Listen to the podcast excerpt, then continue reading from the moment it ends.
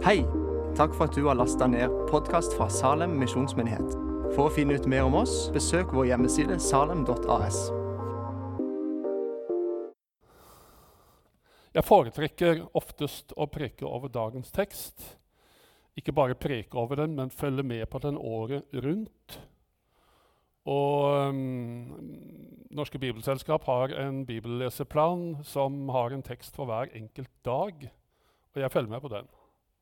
Fordi det er noe med det der å følge med på ikke bare årets rytme, men også kirkeårets rytme. Det er lange tradisjoner i dette. Det går faktisk tilbake til det gamle Israel, som ikke hadde Det nye testamentet, som, som leste det vi kaller Det gamle testamentet. Man hadde ordning på når man leste hva, for å komme igjennom tekstene.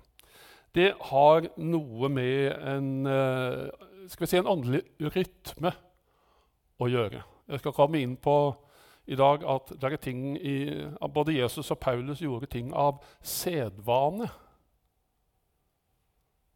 Det er viktig det å, gjøre, å ha vaner og ha rutiner. Men nå skal vi lese fra Lukas evangeliets andre kapittel. Fra vers 25. I Jerusalem bodde det en mann som het Simon. Han var rettskaffen og gudfryktig og ventet på Israels trøst. Den hellige ånd var over ham. Og ånden hadde, han, hadde latt ham få vite at han ikke skulle se døden før han hadde sett Herrens salvede. Nå kom han til tempelet, ledet av ånden. Og Da Jesu foreldre kom med barnet for å gjøre med ham som skikken var etter loven, tok Simon barnet opp i armene sine. Han lovpriste Gud og sa.: Herre, nå lar du din tjener fare herfra i fred, slik som du har lovet. For mine øyne har sett din frelse, som du har gjort i stand for like for ansiktet på alle folk. Et lys til åpenbaring for hedningene og ditt folk Israel til ære. Slik lyder Herrens ord.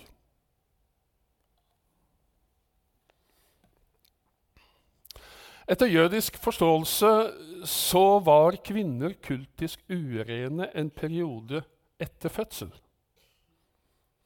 Når perioden var over, så skulle hun rense seg å, ved å bære fram et offer til Gud. Ifølge 3. Mosebok 12 skulle dette skje én uke etter fødselen. Hvis det var et guttebarn. Hvis det var et jentebarn, som skulle gå to uker. Da skulle guttebarn også omskjæres. Og Jesu foreldre bar fram uh, turtelduer og dueunger, for det var dette som var det rette offer for fattige. Det var presisert at det var egne offer for fattige, de som ikke hadde så mye råd. Moseloven sa at renselse skulle skje ved helligdommen, dvs. Si tabernakelet, det gamle telthelligdommen til israelittene. Maria og Josef dro til tempelet i Jerusalem for å gjennomføre dette ritualet. For eh, tempelet videreførte tabernakeltradisjonen. Det man tidligere gjorde i tabernaklet, gjorde man senere i tempelet. Om det var et krav at renselsesseremonien og omskjærelsen skulle skje i tempelet, tror jeg ikke. Mange jøder på Jesu tid bodde langt vekk fra Jerusalem og Israel, og det var langt nok fra Nasaret til Jerusalem. Ifølge Google Maps er det 15 mil. Men det var tempelet i Jerusalem denne hendelsen fant sted i. Vi kan ikke sammenligne tempelet med en kirke. Jødenes tempel hadde en helt annen funksjon enn våre kirker har.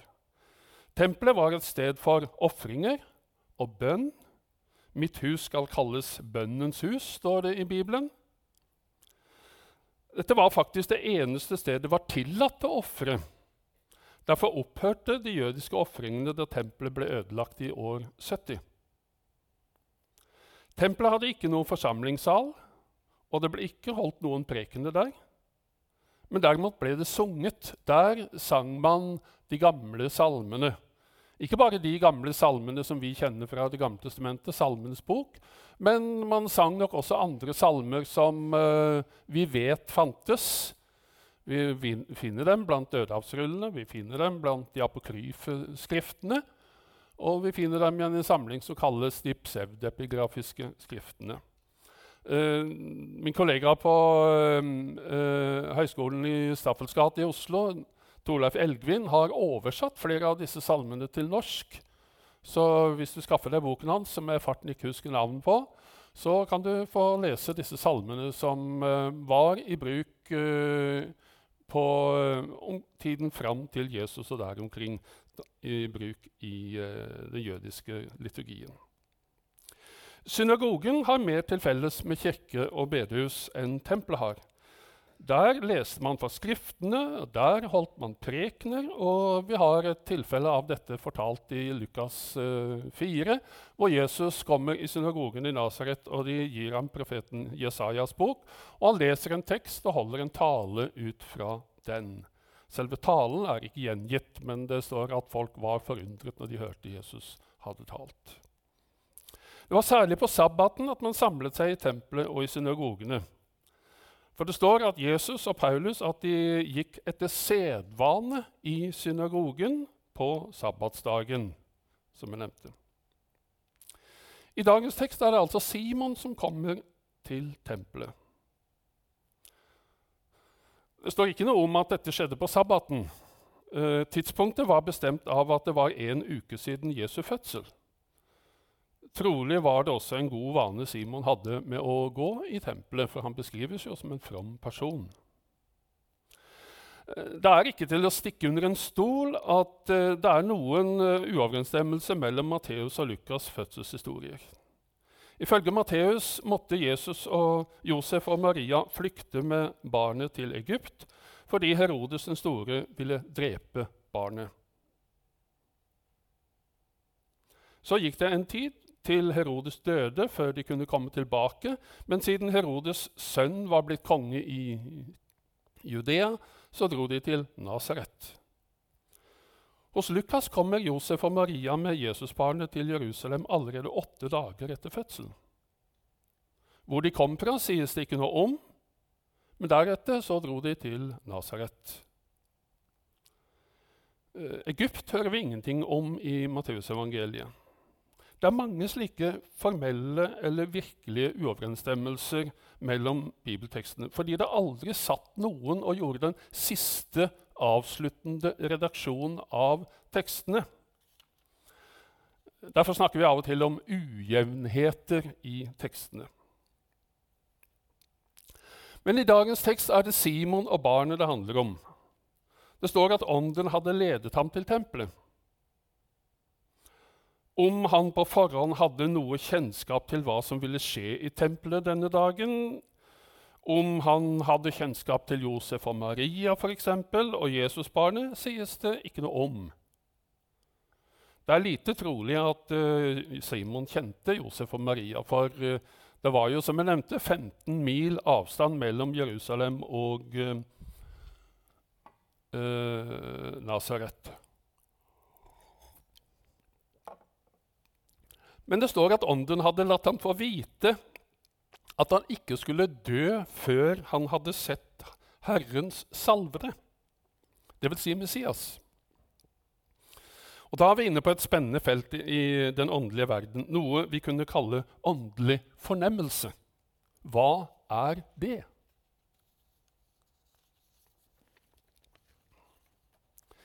Vi som har vanket ut og inn av en eller annen kirke i årevis, har fått uh, våre kirkelige vaner. For fire uker siden hadde Salem ingen møteannonse på fredag. Men det var like mye folk i Salem på søndag for det. Uh, menigheten hadde det nemlig i seg at søndag formiddag da er det gudstjeneste i Salem, annonsert eller ikke annonsert. Menigheten kom av gammel vane, og gammel vane er som kjent vond å vende. Derfor kom vi til Salem. Det er god vane å gå i kirken på søndag. Men denne dagen var det noe spesielt som tiltrakk Simon. Hvordan han opplevde denne dragningen, det vet vi ikke. Teksten sier, sier ikke noe om det. Men det står at han var ledet av Ånden. Dette med å ledes av Ånden er en, eh, er en delikat sak.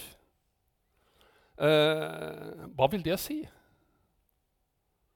Er det noe spektakulært? Er det noe sensasjonelt? Eller er det noe helt hverdagslig? Ja, Det kommer an på så mange ting og omstendigheter og personligheter. Det kan kanskje være alt dette som jeg nevnte. Slik at man noen ganger har en spesiell opplevelse av det, mens man andre ganger knapt merker det, men det er noe som får oss til å gjøre noe i situasjonen som vi egentlig ikke tenker over at vi gjør, men som har konsekvenser vi ikke har tenkt over. Åndens ledelse. Det var kanskje ikke noe bevisst årsak til at du kom til Salem i dag. Du kom sikkert ikke hit fordi at jeg var annonsert til å tale. Uh, hva det var som trakk deg hit, ja, det kunne være så mange ting. Men uh, var det ikke Guds ånd som drev deg hit? Det var vel i hvert fall ikke noen annen ånd som drev deg hit? Vi har altså individuelt ulike måter å oppleve og gjøre ting på. Noen er spontane og skal ha sterke innskytelser. Andre er reflekterende og mindre spontane. Man resonnerer seg fram til hva man bør gjøre, og handler mer rasjonelt. Mange legger kunnskap til grunn for hvordan man handler. Kunnskapen om at det er gudstjeneste i Salem i dag klokken 11, er tilstrekkelig til at du kom hit. Hvordan Simon opplevde dette, vet vi ikke noe om, for det er det ikke sagt noe om. Og det var eh, tydeligvis heller ikke viktig hvordan han opplevde for, for det fortelles ikke noe om det. Det viktige var det som skjedde, ikke Simons opplevelse av det som skjedde. Det står at Den hellige ånd var over ham. Det er også et veldig spennende trekk i teksten. Hva vil det si å ha Den hellige ånd over seg? Betyr det at man er pinsevenn? Ikke i konfesjonell, forstand, i hvert fall. Egentlig er det en avsporing å være venn av pinsen. Poenget er å være venn av Ånden. Så får det konfesjonelle være som det kan. Men også det kan man være på ulike måter. Bibelen har mange eksempler på at det å ha Ånden over seg dvs. Si nærvær av Gud. Eh, er beskrevet over en eh, bred skala. Som dramatikken på pinsedag til det som skjedde for Elia på fjellet Horeb, hvor Herren talte til ham og sa følgende Dette er første kongebok 19. Gå ut og still deg opp på fjellet for Herrens ansikt. Så vil Herren gå forbi. Foran Herren kom det en stor og sterk storm som kløvde fjellet og knuste klippen. Men Herren var ikke i stormen. Etter stormen kom et jordskjelv. Men Herren var ikke jordskjelvet. Etter jordskjelvet kom en ild. Men Herren var ikke ilden heller. Etter ilden Og så kom en spesiell formulering som vi eh, pønset ut når vi oversatte Bibelen. Skal høre. Etter ilden lyden av en skjør stillhet. Da Elia hørte den, dro han kappen for ansiktet og gikk ut og stilte seg i hulåpningen. Lyden av en skjør stillhet. Mange har en forestilling om at det å være fylt av Ånden er noe dramatisk og spektakulært. Og det kan det jo være. Men slik var det ikke for uh, Simon, ser det ut til. Kanskje var det som for Elia i første kongebok 19, som jeg nettopp leste, lyden av en skjør stillhet. Hvordan Åndens nærvær arter seg, er av helt underordnet, underordnet betydning og ofte betinget av den enkeltes personlighet. Ånden endrer ikke vår personlighet. Ånden bruker vår personlighet. Det ligger dessverre altfor mange forbrente offer for forsøk på å fremprovosere dramatiske åndsopplevelser. Nå fortelles det enkelt og uten effekter at Simon kom ledet av ånden til tempelet. Eh, noen julestemning var det ikke å spore i tempelet. Bortsett fra den familiære markeringen som kanskje fulgte av at Jesus var blitt omskåret. Kjenner ikke til at man hadde eh, omskjæringsfest slik vi i vår tid feirer at barn blir døpt. Folk er svært opptatt av julestemning. Knapt noe substantiv er mer brukt i omtalen av julen enn julestemning. For å bygge opp julestemningen må man ha juletre. Hjemmet må pyntes med nisser og lys, og gaver må kjøpes. Julen må feires tradisjonelt med familien den, med den rette maten, enten dette er ribbe, pinnekjøtt eller noe annet. Derfor er julen stressende. Noen omtaler den litt fleipete for kristmas.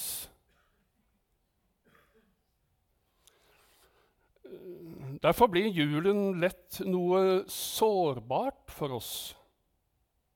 Jeg bruker sjelden det adjektivet, men la meg bruke det her.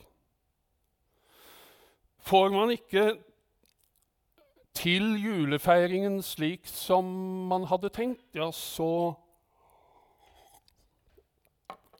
Så blir det ikke den perfekte julestemningen.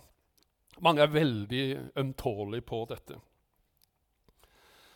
Mange familieproblemer forsterkes i julen. Noen faller helt utenfor fordi de ikke har familie å feire med. Andre får problemer knyttet til familiespenninger. Hvert år advares det mot alkoholkonsum og barn som plages av berusede foreldre.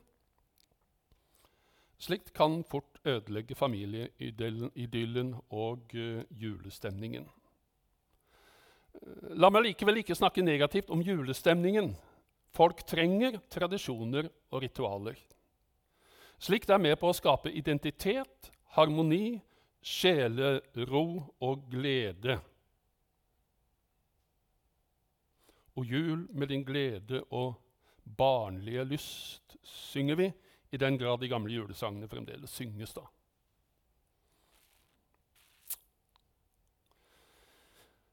En religionsviter som heter Heidi Therese Vangen. Jeg vet ikke hvem hun er, men hun eh, skrev i Vårt Land nå, like, nå i romjula uh, på fredag at uh, det feires to parallelle høytider. En familiehøytid og en religiøs høytid. Som av og til går over i, i hverandre. Folk flest feirer julestemningen som en familiehøytid, mens andre feirer juleevangeliet. Det behøver ikke å være noen motsetning mellom de to feiringene. Vi som feirer barnet og juleevangeliet, tar gjerne med oss julestemningen. Vi gjør de samme juleforberedelsene som de andre gjør. Men det er to forskjellige fokuser. For oss som feirer juleevangeliet, er barn i krybben det primære. Uten barnet i krybben hadde det ikke vært noen julefeiring. Julestemningen er tross alt sekundær. Egentlig var det to hendelser i tempelet ved den anledningen som Lukas forteller om. og Jeg har egentlig bare lest den ene av dem. Det var også en gammel kvinne, kjent under navnet Anna Fanuels datter, som blandet seg inn i lovprisningen av barnet. Men Simon hadde oppsøkt tempelet denne dagen fordi han kanskje forsto at noe spesielt var i ferd med å skje. hadde Anna i årevis som gammel enke oppholdt seg på tempelområdet med faste og bønn. Det vil si at hun hadde overholdt de jødiske fasteforskriftene og bønnetidene. Ellers vet vi ikke noe om henne. Men Simon og Anna fokuserte forskjellig. Simon var opptatt av at nå kunne han dø, for han hadde sett Guds frelse og hele verden i det nyfødte barnet, men at det også skulle komme til å stå strid om Jesus. Simon tenkte teologisk. Anna på sin side hun var en gammel kvinne som på kvinners vis var mer opptatt av selve barnet, som hun fortalte om til de tilstedeværende. I julen feirer vi et spedbarn. Det er ikke mye Bibelen taler om spedbarn. Men vi har et berømt utsagn i Salme 8, vers 3. Fra småbarns og spedbarns munn har du reist et vern mot dem som står deg imot, for å gjøre ende på fienden og hevneren. Dette er et enestående utsagn om småbarn som beseirer fiender. Jesus siterte dette verset da han red inn i Jerusalem på palmesøndag. Da overpresten og de skriftlærde reagerte på at, han, at barn ropte 'Hosianna' på tempelområdet, så kommenterte Jesus. Har dere aldri lest? Fra småbarns og spedbarns munn har jeg latt lovsang lyde. Det er en slags uforklarlig kraft i dette utsagnet som jeg har funnet den beste forklaringen på i et kjent dikt av André Bjerke, som kanskje noen av dere kjenner. Han sier det største mysterium er ikke mer enn det at en liten kropp er våknet til jorden den nyfødte ser. To luker i himmelen går opp. Selv femtrinns raketter og kjernefysikk blir puslinges puslespill. Når det nyfødte barn med et eneste blikk beviser at Gud er til.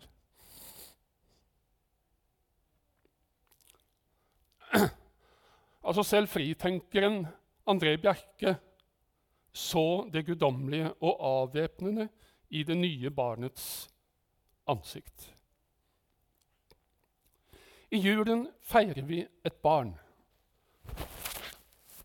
Født av en ung kvinne, fattig kvinne, i et bortgjemt hjørne av den antikke verden.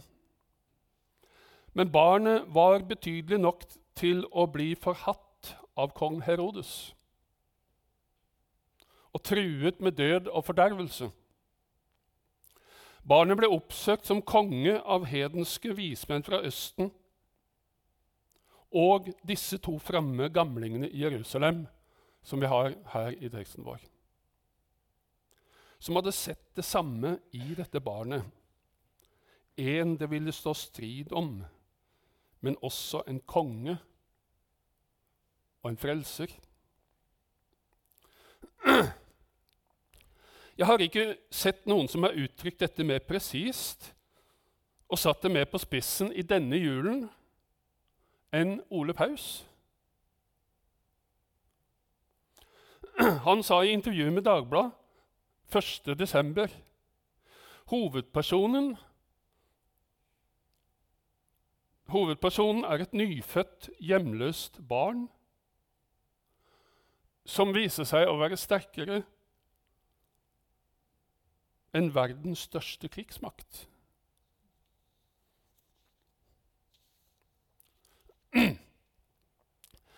Scenen i teksten finner sted på tempelområdet. Det var, ikke, det var, klare regler for hvem som kunne gå hvor på dette området. Det hjalp både hedninger og kvinner. Arkeologene har funnet en stein med en innskrift som forbyr hedninger å passere denne grensen. Siden Anna Fanuels at det var til stede, må hendelsen ha funnet sted innen det området kvinner hadde rett til å bevege seg på. For det var det regler for. Det kommer etter hvert, til, uh, etter hvert til syne et persongalleri i teksten. Det var det lille barnet, Jesus. Han er hovedpersonen. Han er én uke gammel. I den andre enden av aldersskalaen finner vi Anna, Fanuels datter, som er 84 år. Hvor gammel Simon var, sies det ikke noe om, men siden han snakket om at nå kunne han få dø, har det vært vanlig å tenke seg at han var en gammel mann.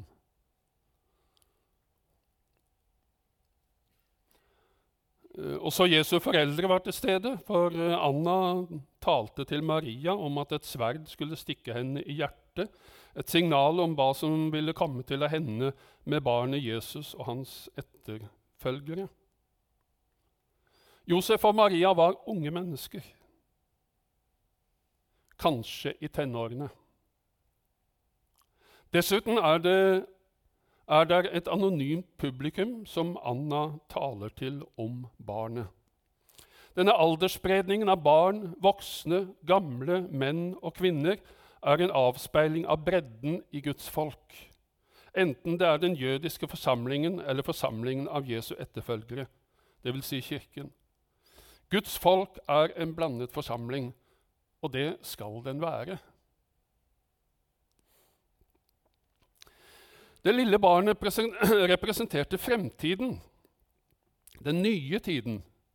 Både usikkerheten, at han skulle bli et tegn som skulle bli motsagt, og tryggheten, at han kom til verden som frelser.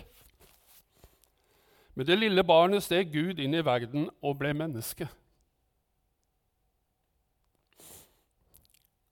I teologien har vi et fint ord vi kaller inkarnasjonen at Gud ble menneske. At Gud, som er ånd, ble kjøtt og blod. Han krysset grensen mellom den himmelske og den skapte verden. Den berømte rumenske religionshistorikeren Misea Eliade har skrevet om denne grensen som en perforert vegg mellom det åndelige og det materielle. Det var Guds rike som gjennom det lille barnet kom inn i verden. Derfor sa Jesus i voksen alder, er det ved Guds ånd jeg driver ut de onde åndene, da er Guds rike nådd fram til dere. Derfor er juleevangeliet i bunn og grunn budskapet om at Guds rike er kommet til verden. Hva det vil si, får vi snakke om en annen gang. Amen.